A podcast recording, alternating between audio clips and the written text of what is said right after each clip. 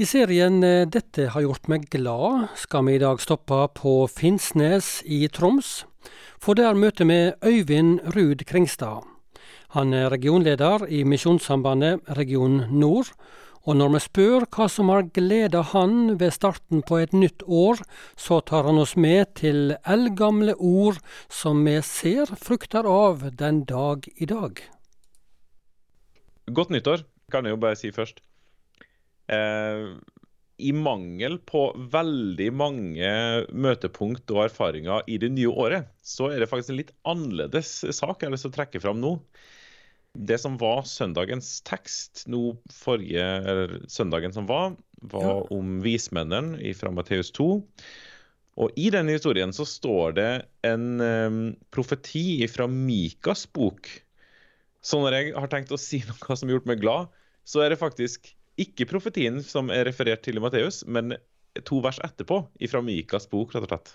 Dette er noe som har gleda deg med ganske historisk sus, kan vi si? Ja, det ble litt sånn for meg, fordi at altså, det verset, Jeg kan lese verset sånn som det står. da, Det er Mika, profeten Mika i Det gamle testamentet, kapittel 5, vers 3. Og Det er den siste delen som jeg er ute etter, men jeg leser nå hele verset. da. Han skal stå og gjete i Herrens kraft, i Herren sin Guds høye navn, og de skal bo trygt, for nå rekker hans makt til jordens ender. Ja, hva ligger det i dette her? ja, jeg skal ikke ta på meg og liksom uh, si at ja, jeg vet akkurat hva som ligger i det. Men at Mika ikke visste helt hva det lå i det, det tror jeg heller ikke. For han sa det ca. 700 år før Jesus Kristus ble født. Og når Jesus blir født, så er hans liv og virke og tjeneste starten på at hans makt skal strekke seg til jordens ender. På Mikas tid så var det veldig få som kjente til Guds makt, om du vil. I, vi kaller det litt sånn overført, da. Eh, altså at Gud finnes, og at han vil frelse for mennesker. Når Jesus virka, så ble flere kjent med det, om du vil, og så tok det helt av på pinsedag og videre utover. Så hans makt strekte seg videre videre utover til jordens ender. Og i år 999, ja, cirka da Hva skjedde da? Jo, da sies det iallfall da at den første nordlending ble døpt ut forbi, Trond, ut forbi Harstad, Trondenes, i Laugen. Det er et vann rett bak der. Så Gamle Trondenes kirke står rett attmed vannet. Den første dåpen skjedde altså der. Sikkert ikke en sånn kjempefin forhistorie, kanskje nødvendigvis, eh, når vi tenker på kristninga av landet vårt. Men poenget er at da begynte Guds makt å rekke seg oppover hit. Helt til oss.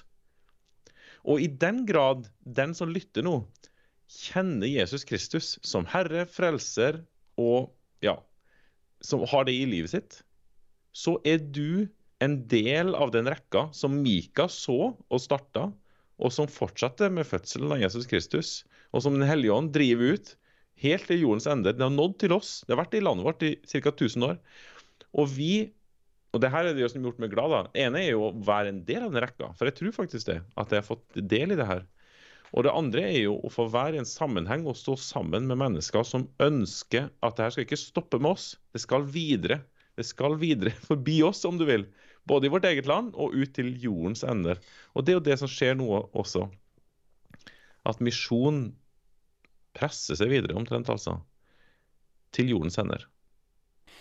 Så vi runder av med at du en gang til siterer dette verset fra Mika, profeten i Gamle testamentet.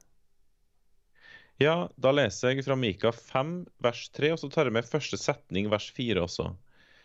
Han skal stå og gjete i Herrens kraft, i Herren sin Guds høye navn, og de skal bo trygt. For nå rekker hans makt til jordens ender, og han skal være fred. Det sa Øyvind Ruud Kringstad. Han er regionleder i Norsk Luthersk Misjonssamband region nord, med kontor på Finnsnes.